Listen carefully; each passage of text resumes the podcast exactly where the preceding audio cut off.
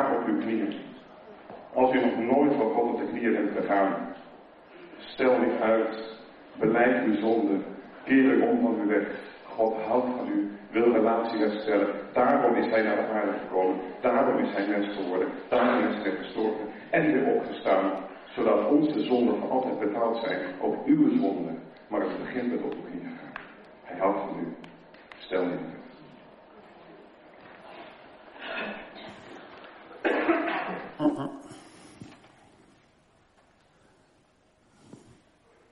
Doe ik iets fout? Oh, oh, oh, oh, oh, oh. Oh, daar, ja. Goedemorgen. Um, ik stond hier niet zo lang geleden. Ja, met de kerstavonddienst uh, was ik gevraagd om vijf minuten te spreken over mijn verwachtingen van 2023. En uh, ik had maar vijf minuten en ik had toen die tijd afgesproken met mijn vrouw Wilma. Ja, we zitten vaak aan de balkon daar. Dat als ik langer dan vijf minuten zal gaan, dan geef me een van deze. Maar de lichten zijn hier zo sterk. Ik kon er niet zien. Dus we hebben een andere strategie vanochtend. Als ik iets fout zeg of ik spreek te lang, ze heeft bij zich drie tennisballen. En ze kan ze naar mijn hoofd mikken. Vandaag wil ik een on, over een onderwerp hebben en ik wil dat een klein beetje aanstippen. Een klein beetje. En dit onderwerp komt uit, vanuit de Bijbel. Bijbel, dit is op zijn Engels. The acronym for Bible is Basic Information Before Leaving Earth. Dus basisinformatie voordat je de aarde vertrekt. En dat klein beetje onderwerp wat ik wil over hebben is liefde. Nou, dus het gaat niet helemaal goed. Liefde. Nou goed. Er staat in 1 Johannes 4 vers 16. Dat is geschreven door de apostel Johannes, die, de discipel dat Jezus lief had. Heeft ook openbaring geschreven. Hij was een volle neef van Jezus. De moeder van Johannes was Salome en dat was de zus van Maria, de moeder van Jezus. En wat staat er in 1 Johannes 4 vers 16? God is liefde. Iedereen die in zijn liefde leeft, hoort voor altijd bij God, bij God. En God blijft voor altijd in hem. Nou, ik wil jullie vragen om mij een beetje te helpen en ook je, dat je een beetje wakker blijft. Als ik mijn rechterhand, deze hand uitsteek, moet jullie hardop zeggen God. En als ik deze kant doe, dan moet je zeggen is liefde. Ja? Kunnen we dat één keer proberen? God is liefde. Nou, goed. God en liefde hebben heel veel gemeen. Beide zijn zo groot, zo hoog, zo diep, zo onuitputtelijk, zo mysterieus, zo divers, zo overal aanwezig, zo gigantisch. Dus kan je eindeloos over God spreken en dus eindeloos over liefde spreken. Daarom straks, als we in de hemel zijn, hebben wij een eeuwigheid om God beter te leren kennen. Dus liefde. Ik ga op het internet en ik ga zoeken en ik wil een definitie van liefde hebben. Nou, je hebt een hele hoop. Er is goede, er is minder goede, er is heel zweverige. En dan er is ook één dat ik vond heel interessant. En het is van een psychiater. M. Scott Peck definieert liefde als... Liefde is de wil om je eigen zelf te ontplooien, zodat het kan bijdragen aan de spirituele groei van zowel jezelf als je medemens. Dus het is een bewuste keus om te groeien. Spiritueel, intellectueel, relationeel, geestelijk. Niet alleen van jezelf, maar vooral ook ten opzichte van en voor die anderen. Dus ik wil het nog een keer lezen. Liefde is de wil om je eigen zelf te ontplooien, zodat het kan bijdragen aan de spirituele groei van zowel, zowel jezelf als je medemens. Meteen erachteraan in zijn boek, Scott Peck zegt, ja, hoogstwaarschijnlijk veel mensen zal mijn definitie van liefde ook onvoldoende vinden. Maar ja, dat heeft gewoon te maken dat liefde heeft zoveel, zoveel facetten. Dus misschien is het goed te beginnen met wat liefde niet is. Volgens mij is dat het dia. Wat liefde niet is. Liefde is niet verliefd zijn, zoals het Amerikaans Hollywood idee van falling in love. Verliefdheid gaat gepaard met die illusie dat het hier om een situatie, situatie gaat die altijd zo zal blijven. Verliefd zijn is een romantisch Hollywoodbeeld dat bijna iedereen van ons op het verkeerde been zet. Is een heftig, branderig gevoel, vlinders in je buik, roze geur en maneschijn. Een intens en geweldig gevoel waarin wij vaak onszelf verliezen. Scott Peck zegt dat de myth van de romantische liefde die altijd blijft, hij beschouwt als een schandalige leugen.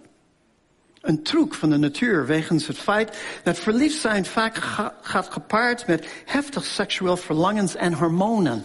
En dan om de voortplanting van de mens te stimuleren. Dus het is niet een bewuste keuze. Je fall in love.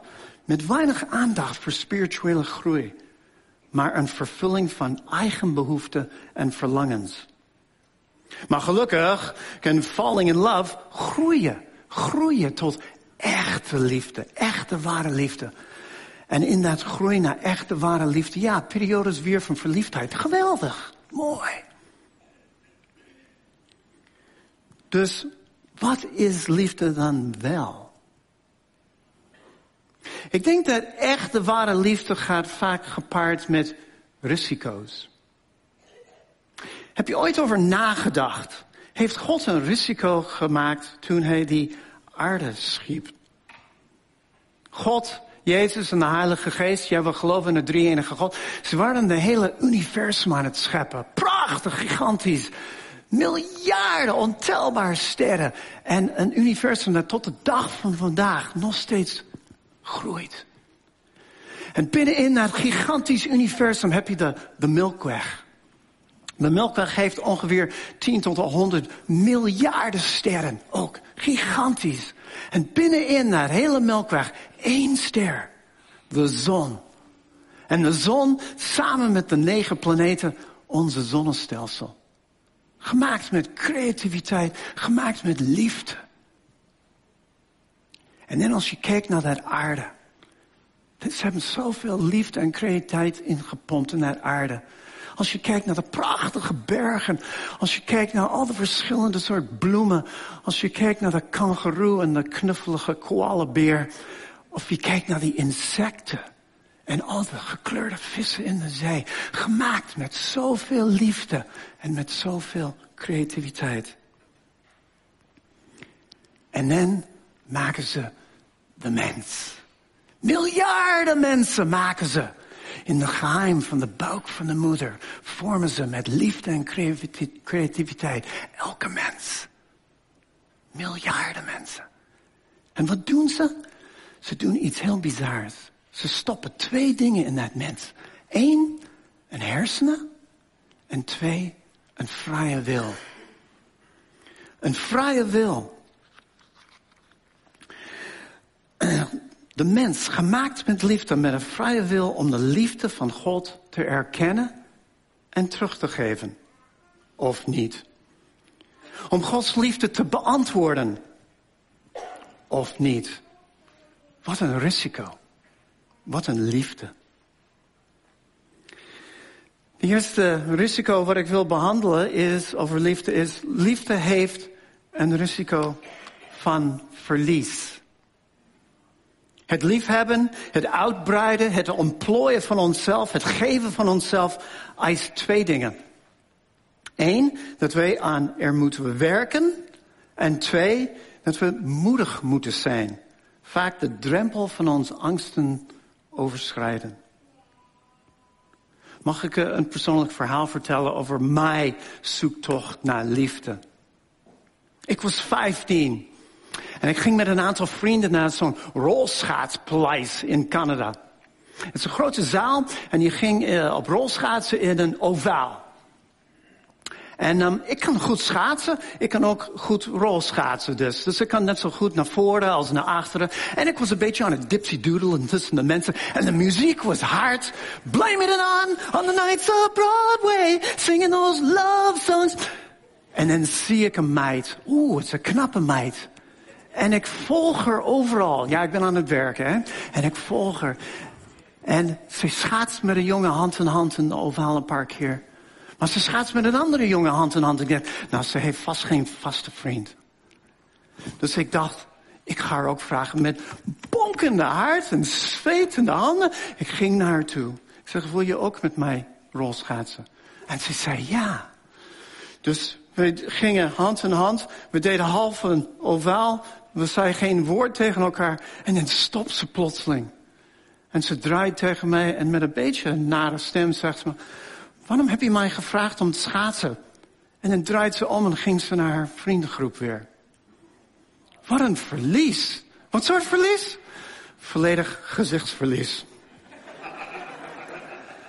Maar ik wil een ander verhaal vertellen over de risico van verlies. En het is uit de Bijbel, dus het is wel belangrijker. En het is een verhaal dat heeft me altijd, eh, ja, ik vond het altijd interessant. Ik kon het niet helemaal snappen. En dat is het bekende verhaal van David en Goliath. De Filistijnen hadden oorlog verklaard tegen Israël. En dus ze maakten een hele lange rij met een hele leger. En aan de andere kant de Israëlieten ook een hele lange rij. En er was een vallei tussen. En toen die tijd was het de gewoonte om één tegenwoordiger van één leger te vechten tegen een tegenwoordiger van die andere leger. En dat was beslissend. Ik denk dat het spaarde een hele hoop bloed en mensenlevens. En elke dag, 40 dagen lang, kwam dit Goliath, een Filistijn, naar voren. En hij daagt de Israëlieten uit. Stuur de man om met mij te vechten. En als hij verliest, zijn jullie onze slaven. En als ik verlies, zijn wij jullie slaven. En hij vervloekte de God van Israël. Hij vervloekte De Bijbel zegt, Goliath was 2,7 meter hoog. Nou, ik heb toevallig een meetlat bij me. Ik ben ongeveer 1 meter 78 en ik heb een meter hier bovenop. Hij was, nou laten we dat proberen. Hij was ongeveer zo hoog. Nou, hoogstwaarschijnlijk had hij spierballen, nou, dikker dan mijn bovenbeen. En hij was een ervaren soldaat. En dan op een dag komt David de Bijbel zegt dat hij een jongen was. Wat was hij? 14, 15, 16, misschien mijn, hoog, mijn lengte. Hij kwam ons zijn drie oudere broers eten te geven, omdat zij stond op dat frontlinie. Wat mijn vraag is, wat bezielt David om te vechten met deze reus? Had hij last van manies, grootheid, waanzin? Was hij naïef? Maar David, hij pakt de slinger. En hij doet kiezel erin. En hij loopt naar voren richting Goliath. En Goliath is, stuur je mij een hond? Maar we weten allemaal het resultaat. Hij swingt met dat slinger en boef, dat kiezel. Precies in de voorhoofd van Goliath. En Goliath valt met zijn 2,7 meter op de grond. Ik ben van overtuigd dat David deed het uit echt liefde voor God. Hij had zo'n ontzag voor God. Hij bewondert God. Hij vertrouwde volledig op God. Had ontiegelijk veel respect voor God. En hij gelooft dat God hem zal bijstaan in dit gevecht. In dit gevecht. Hij was zo gegroeid in zijn liefde voor God dat hij nam het risico van verlies voor eigen leven voor. Jullie slapen een beetje, hè? Laten we het nog een keer doen. Hij was zo gegroeid in zijn liefde voor God dat hij nam het risico van verlies voor eigen leven voor. Andere risico's van verlies dat ik kan bedenken. Ja, als wij van een andere mens houden, is één ding zeker. Vroeg of laat gaat hij of zij dood. Dat risico blijft altijd. Als je dat risico wil vermijden, dan kan het zijn dat je niet gaat trouwen. Of kinderen wil krijgen. Of genieten van seksuele gevoelens. Of nooit ambitie ervaren. Of hechte vriendschap ervaren. Of ontplooien in je werk. Of creativiteit. Eigenlijk alles wat het leven levend maakt. Dan kan je missen aan alles wat het leven zijn betekenis geeft. Leven heeft risico's. En hoe meer ons leven groeit van liefde, vaak hoe meer risico wij lopen. Het tweede risico waar ik het over wil hebben. Nou, ik kan hier de volgende doen. Is de liefde heeft een risico van commitment, verbinding of betrokkenheid. Commitment, verbinding, betrokkenheid vormt de basis van iedere oprecht liefdevol verhouding. Een kennis van mij uit Canada, Ken, hij was zes toen zijn moeder plotseling overleed. Nou, zijn vader, hij deed zijn best. Maar hij moest vaak werken, vijf dagen in de week, om, voor het gezin, de rest van het gezin. En hij kwam vaak moe thuis. Liefde, betrokkenheid voelde Ken niet meer. Zich niet gezien en gehoord voelen was voor Ken een ondraaglijk pijnlijk ervaring. En toen Ken ouder was, hij schrok terug van elke nieuwe potentieel verbinding. En dan ging hij van relatie tot relatie.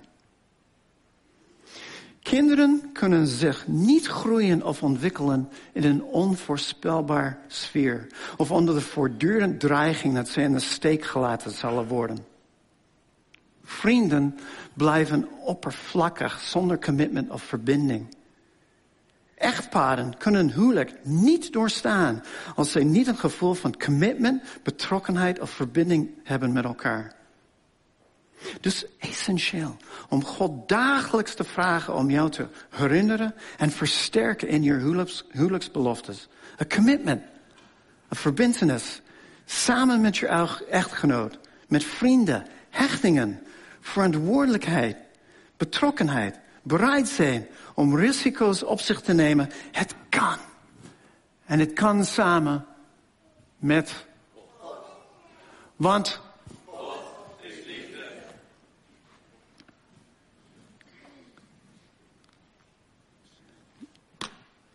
Liefde heeft een risico van confrontatie. Confrontatie is een groot risico. Maar één die iemand moet nemen als hij of zij iemand lief heeft. Echtgenoten, ouders, mensen in allerlei functies doen dat geregeld. Maar vaak op een kritisch, impulsief en verwijtende manier. Met iets van een ergant houding van... Je hebt niet gelijk, ik heb gelijk, jij moet veranderen. Maar meestal geen succes en vaak escaleert het nog meer. Er zijn andere manieren. Bijvoorbeeld een manier van nederigheid. Neem de low road. Of op een vragende manier. Maar je moet altijd voor ogen hebben dat die andere groeit. Zonder confrontatie of correctie, het leidt vaak tot liefdeloze situaties. Een voorbeeld vanuit de Bijbel waar weinig confrontatie plaatsvond is weer David, nieuw koning van Israël. David, koning David had Oa, among andere, zes zonen. Die oudste zoon, Amnon, heeft zijn jongere zus Tamar verkracht. Zonder weinig correcties of dat we lezen over consequenties van zijn vader David. Als gevolg, Tamar, zij leidt een teruggetrokken, beschadigd leven. Absalom, de tweede zoon van David, omdat dit heeft plaatsgevonden, ontwikkelt een haat voor zijn broer Amnon. En eigenlijk regelt het dat Amnon vermoord wordt. Voor risico voor zijn eigen leven vliegt hij in ballingschap. En koning David was troosteloos dat hij kon zijn zoon niet meer zien. Jaren later doet Absalom vanuit het buitenland, regelt hij een leger, hij doet een vijandig gooi naar die koningschap van zijn eigen vader. En het kost hem weer zijn leven. David troosteloos. En Davids andere zoon, Adonijah, hij doet ook een vijandig gooi naar de koningschap van zijn vader David. Wat een ontspoord familie. Echt ware liefde eist confrontatie en correctie. Met het doel om uit liefde die anderen te zien groeien. Zoals ik zei, ik ga liefde een klein beetje aantippen. En we hebben een avondmaal vandaag, dus eigenlijk is mijn tijd op. Dus wat ik wil doen, is ik wil eventjes samenvatten. Echte liefde heeft risico's. Er is de risico van verlies. Er is de risico van commitment, verbinding, betrokkenheid. En de risico van confrontatie. Maar zoals ik zei, liefde kan veel verder. Ik heb het alleen een beetje aangestippeld. En dan mijn vraag is, hoe gaat het met liefde in jouw leven? Heb je jezelf lief genoeg? Komt een kind tekort aan jouw liefde? Een vriend of een vriendin? Misschien een partner tekort aan jouw liefde? En God dan? Heb je zijn liefde voor jou al een antwoord gegeven? Of vind je het risico te groot? Te veel commitment of potentieel correctie? Liefde voor God is niet alleen een gevoel, het eist commitment. Het gevaar zit erin dat je gecorrigeerd wordt. Je moet je eigen ego durven verliezen, los te laten. Dat doet liefde. Dus dat geldt dus voor liefde in alle relaties. Maar gelukkig blijft God wachten. Waarom? Amen. Gods liefde is zo groot, zo opofferend, dat we gaan nu over naar heilige avondmaal. Moet je heilig zijn om mee te doen aan avondmaal? Nee. Is het avond? Nee. Is het een maaltijd? Nee. Maar, je, maar het is een symbolisch sacrament die demonstreert het grootste daad van Gods liefde. Uit liefde God stuurde zichzelf in Jezus naar de aarde en daar in liefde zijn leven gaf aan een kruis. Waarom? Om de geëiste boete voor al onze zonden te ondergaan. Ik wil lezen voor jullie uit 1 Korinthe 11, vers 23 tot 26. S'avonds bij de maaltijd pakte Jezus een brood. Hij dankte God en hij brak het brood in stukken. En hij zei tegen zijn leerlingen, kijk, dit is mijn lichaam. Ik zal sterven voor jullie. Herhaal deze maaltijd steeds opnieuw om aan mij te blijven denken. Na het eten pakte Jezus een beker wijn. Hij zei, mijn bloed zal vloeien. Maar daardoor zullen jullie gered worden. Dat heeft God beloofd. Deze beker is daarvan het teken. Drink steeds opnieuw uit deze beker om aan mij te blijven denken. Dat is dus de manier waarop jullie met elkaar brood moeten eten en wijn moeten drinken. Want daarmee laten jullie zien dat de Heer voor ons gestorven is. En dat moeten jullie blijven doen totdat de Heer terugkomt. Geloof je in God? Geloof je dat Jezus voor jouw eh, zonde is gestorven? Ongeacht leeftijd, ongeacht lidmaatschap, waar of, maakt niet uit, mag je meedoen. Laten we bidden voor de brood en de wijn. Onze hemelse Vader, uw lichaam is gebroken. U heeft uw leven gegeven aan de kruis. De bloed is gevloeid. U heeft de grootste liefdesdaad ooit gedaan. U heeft uw hele lichaam geofferd. En dat deed u voor mij. En dat deed u voor elke persoon hier in deze zaal. Uit liefde. Omdat u bent liefde. Ik vraag een zegen over de brood ik vraag een zegen over de wijn, de druivensap. Ik vraag een zegen over deze heilige maaltijd samen. In Jezus' naam. Amen. Ik wil vragen Jos naar voren te komen voor de praktische invulling. Even praktisch hoe we het doen. Um, Degenen die hier op de voorste rij zitten, die kunnen zoals eerste langs die kant zo naar voren komen en uh, brood en wijn halen. En uh, de mensen die achter het geluidspaneel zitten, die de eerste rij daarachter gaat zo de zaal uit om achter in de hal brood en wijn te halen en mee te nemen naar de plaats. En ik wil de mensen op balkon vragen om van die trap naar beneden te gaan en dan zo weer omhoog. Dan loopt de stroom dezelfde kant op. We nemen het mee en we zullen het daarna met elkaar uh, op je plek gebruiken. Dus ik wil jullie uitnodigen om brood en wijn te nemen. En als je het zelf niet kan komen halen, steek dan even je hand op, dan wordt het bij je gebracht.